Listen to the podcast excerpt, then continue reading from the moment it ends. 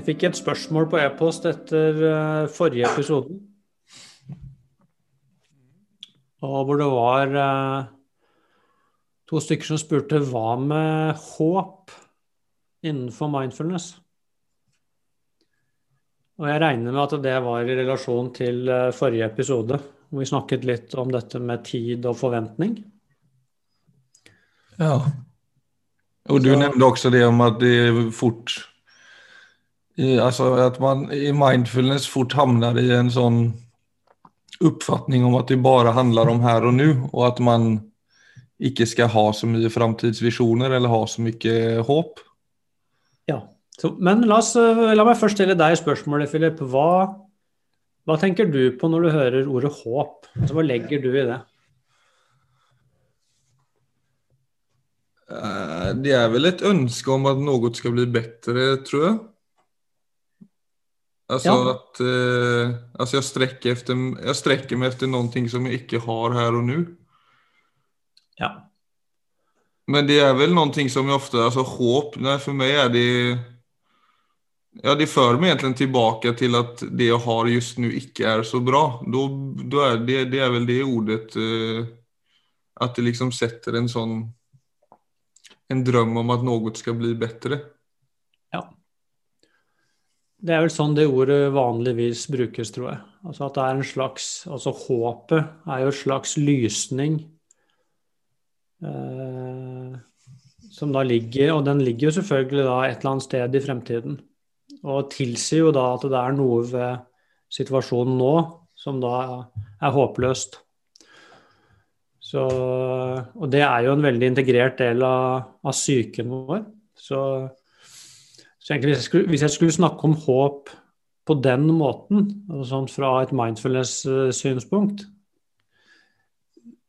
så, jeg, så, kan jeg si enten det at uh, egentlig så snakker ikke mindfulness noe om det. Så det det er, på en måte ikke det Det er ikke det den psykologiske analysen egentlig er opptatt av.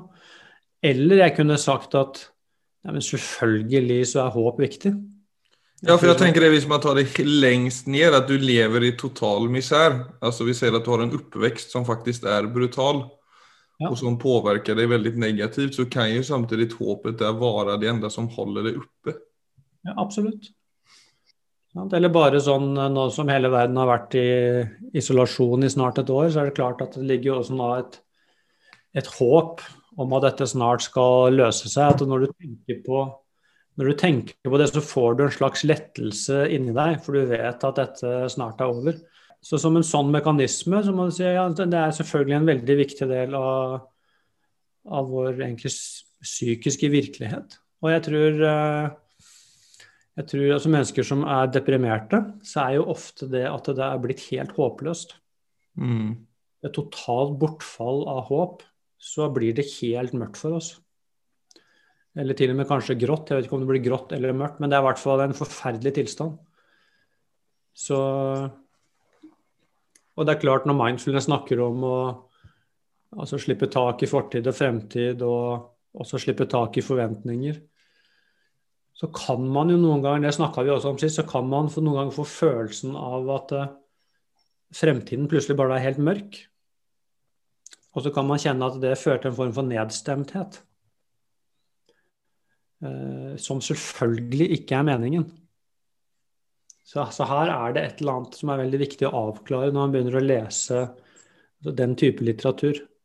Så ikke man mm. går i, i feil rom og prøver å stoppe altså en helt normal psykisk bevegelse som går på Altså psyken orienterer seg i tid.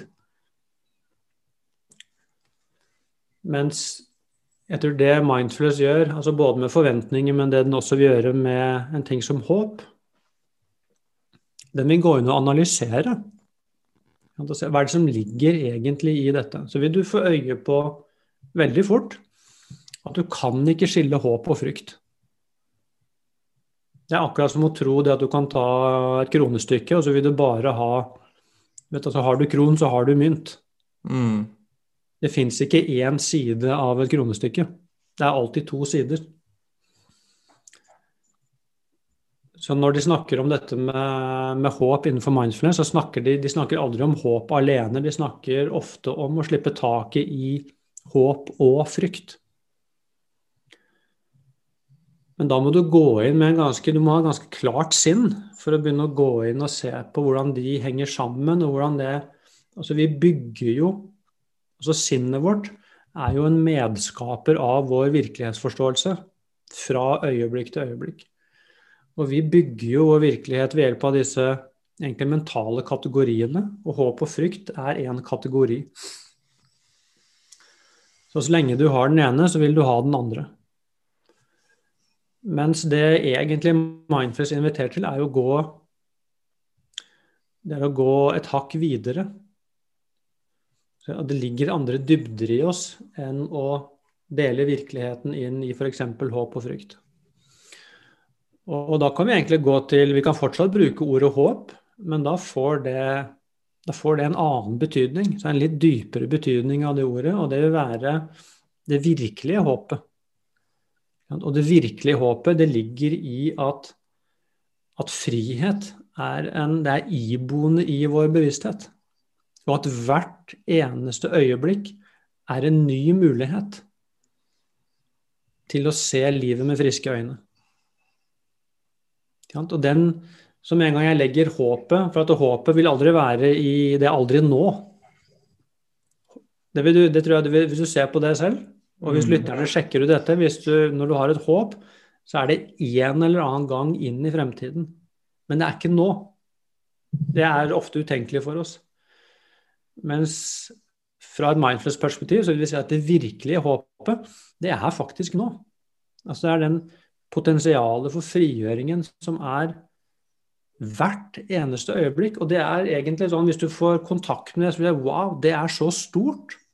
Og egentlig en mye det er egentlig mye mer, er en mye lysere, en mye mer håpefull eh, opplevelse av virkeligheten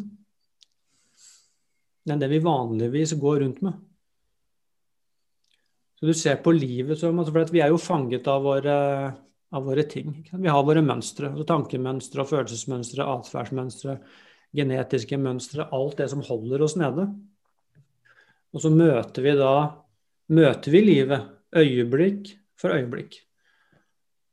Men så er det på en måte det mindfulness sier ja, kanskje det er et eller annet som skjer, og så tar jeg en dårlig avgjørelse. Jeg tar et dårlig valg, og så ah, Der gjorde jeg det igjen. Ah, idiot. Og så går jeg og slår meg selv.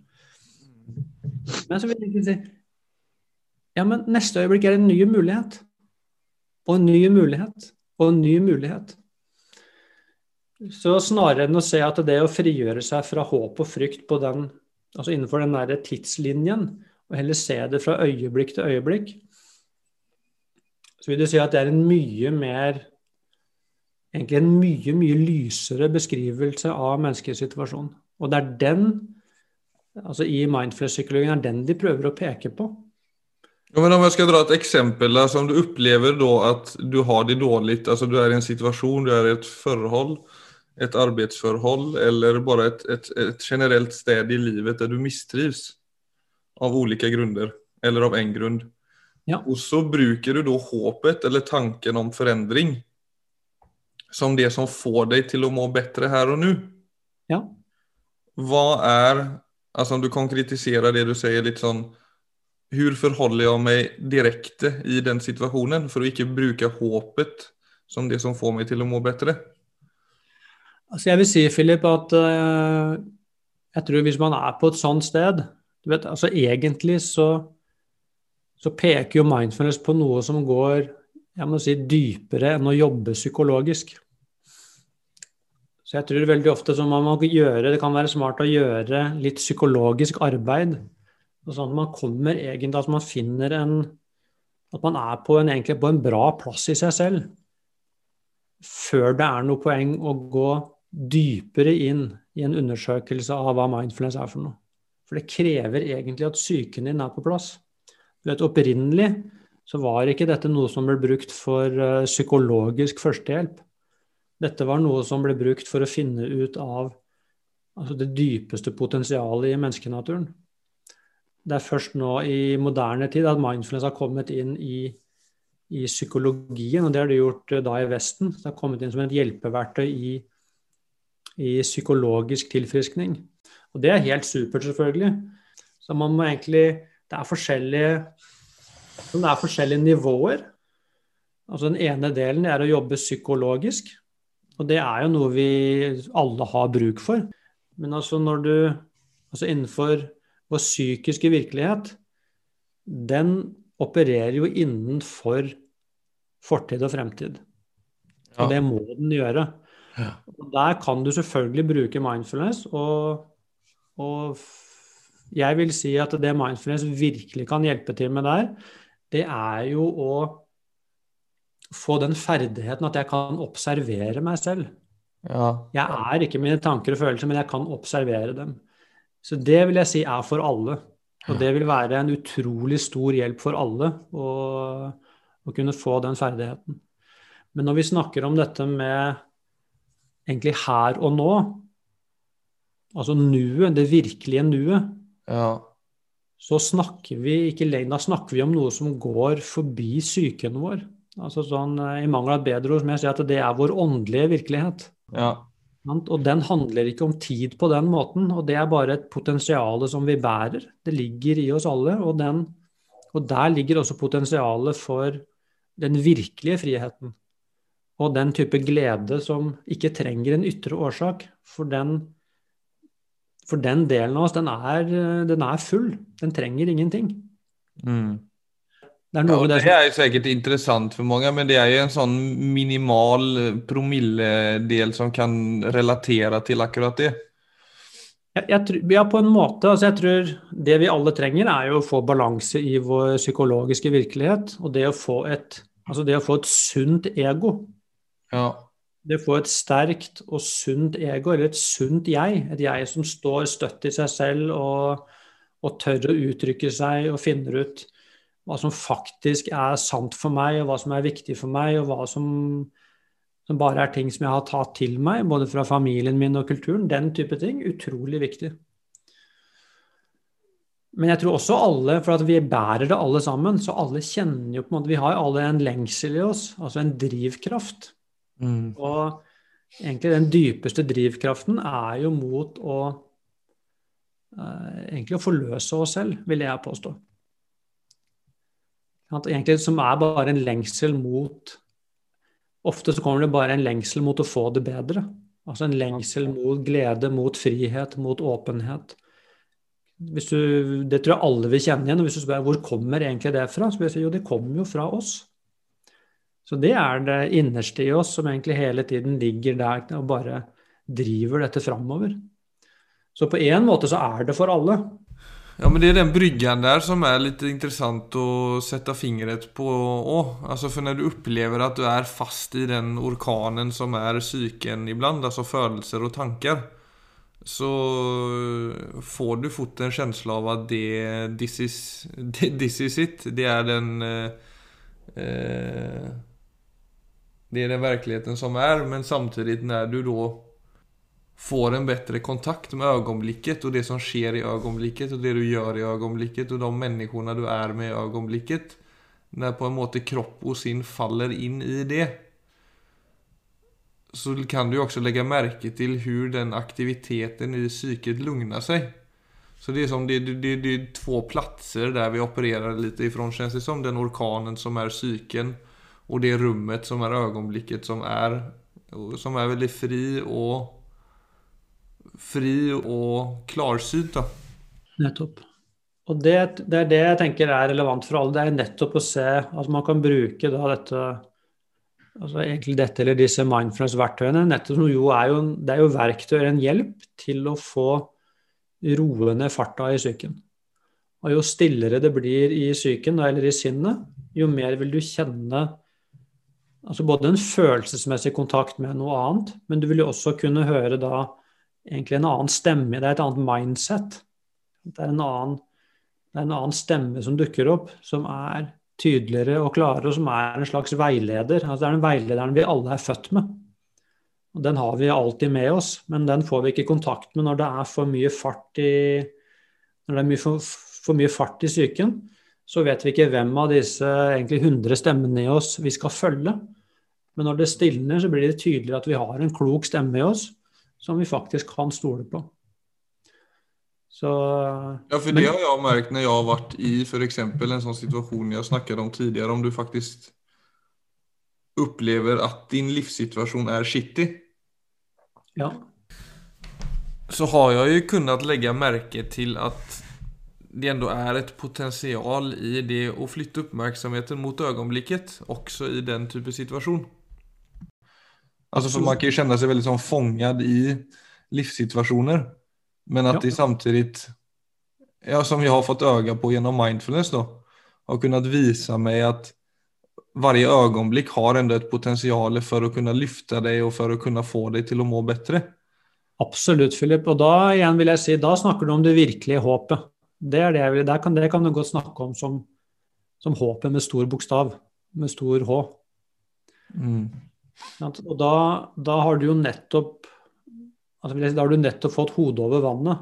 Du er i en vanskelig situasjon, og så får du plutselig øye på at ja, situasjonen er vanskelig, men det er noe i meg også som ikke er egentlig bundet av den situasjonen. Ja, det, ja. Og når du får da får en, altså en, direkte kontakt med det, så vil du kjenne det at det er noe at det er fritt, selv om situasjonen er vanskelig. Og det gir deg selvfølgelig også en, en Det går inn i følelseslivet ditt, så da er det jo noe som slipper. Mm. Og som også vil gi deg styrke til å faktisk gjøre noe med den situasjonen. Så det er ikke sånn at du da bruker det til å flykte fra situasjonen. Det gir deg akkurat den styrken du trenger, og oversikten til å kunne løse opp i den ytre situasjonen. Så alt, det helt, alt dette har med mindfulness å gjøre, men egentlig så har ingenting av dette å gjøre med det de kaller nuet. Det er noe annet. Mm. Så, så, det er egentlig det som er mitt poeng. Altså vi må ikke blande disse kategoriene. For at når vi snakker om Når du bringer inn nuet liksom inn i at alt vi kjenner er tid, så høres det ut som man må sette tiden på pause. Mens jeg snakker om egentlig noe som går Akkurat som det er noe som går gjennom tiden. Og så er det bare et helt annet rom i bevisstheten. Så, så du kan ikke Det blir som å blande klassisk fysikk og kvantefysikk. Altså det er to forskjellige måter å, ja. å beskrive verden på. Du kan aldri blande dem, for det er, måte, det er to forskjellige lovmessigheter, det er to forskjellige språk. Og hvis du blander dem, så blir det bare kaos. Ja, sen er det jo vanskelig å sette helt fingret på alt som er om mindfulness. Altså, jeg syns jeg... Ja, det er, det er veldig vanskelig. For min del, så alt det du sier, makes sense for meg, men jeg hadde ikke gjort det på samme måte om jeg ikke hadde undersøkt mindfulness på egen hånd. Om jeg ikke hadde hatt den erfaringen som jeg f.eks. For presis forklarte. For da blir det veldig ja, det blir mye ord og mye Ja, det blir en tematikk som er litt sånn vanskelig å snakke om, for den er, jeg opplever at den er så veldig sånn eh, erfarenhetsbasert. Ja, men det er den jo også. Men jeg kan godt tenke meg, Philip, at det, det vi snakker om nå, vil jo for jeg tror mange bare oppleves som ord, og kanskje til og med litt sånn luftig og i verste fall meningsløse. Og så er det selvfølgelig de som har erfaring med dette, vil jo se at dette er egentlig ganske tydelig sagt. Men så vil det også være noen som kanskje ikke har noe erfaring med dette fra før, og som hører det vi snakker om nå, og som kjenner en eller annen bevegelse i seg selv. Det vil jeg si er jo hensikten med denne podkasten. Det er jo nettopp det at uh, kanskje vi kan gjøre et landskap tydelig sånn at noen kan gidde å gå og undersøke dette og se at dette er noe helt annet enn bare sånn vær til stede her og nå. For det er det er egentlig en dårlig beskrivelse av mindfulness. Å peke på noe som går mye, mye dypere enn det vi er i stand til å oppfatte første gang vi hører de ordene. Mm. Så på den måten så tenker jeg at den avklaringen vi prøver på nå, den er uh, Den kan være viktig, men, uh, men igjen, altså som alle andre ting, mindfulness er ikke for alle.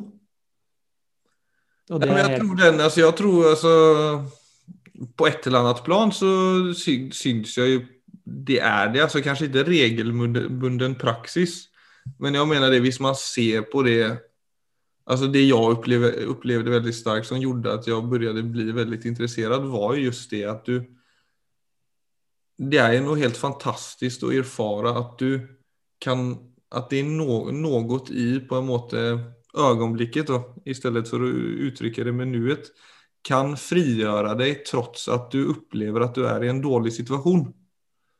Altså at vi på en måte, vi, vi, det er noe i oss som kan sätta oss frie, som kan gjøre oss lätta til sinns. Ja. Trots at det yttre ikke er på Ja. Det tror jag egentligen att kanske många har upplevt om man undersöker det lite. Eh, men det potentialet där, det är ju inte bara för, sånt, för en sån personlig vinning heller, men det är bara någonting som vi upplever är allt för lite utforskat generelt generellt sett. Helt enig, Philip. Altså, det, tror jeg, det tror jeg du oppsummerte det ganske fint. Altså, det, jeg er helt enig med deg. Akkurat det du snakker om der, er vel kanskje den dimensjonen ved mindfulness som, er, som jeg tror er relevant for alle. Og der tror jeg også du snakker om altså I den grad vi skal gi dette ordet håp en mening vi kan forholde oss til, som går litt dypere enn at nå er det bekmørkt, og jeg kan håpe at det en eller annen gang i fremtiden blir litt lysere men nettopp det at eh, det er alltid en mulighet for meg til å løfte blikket. Og heve meg på en måte over den situasjonen jeg står i.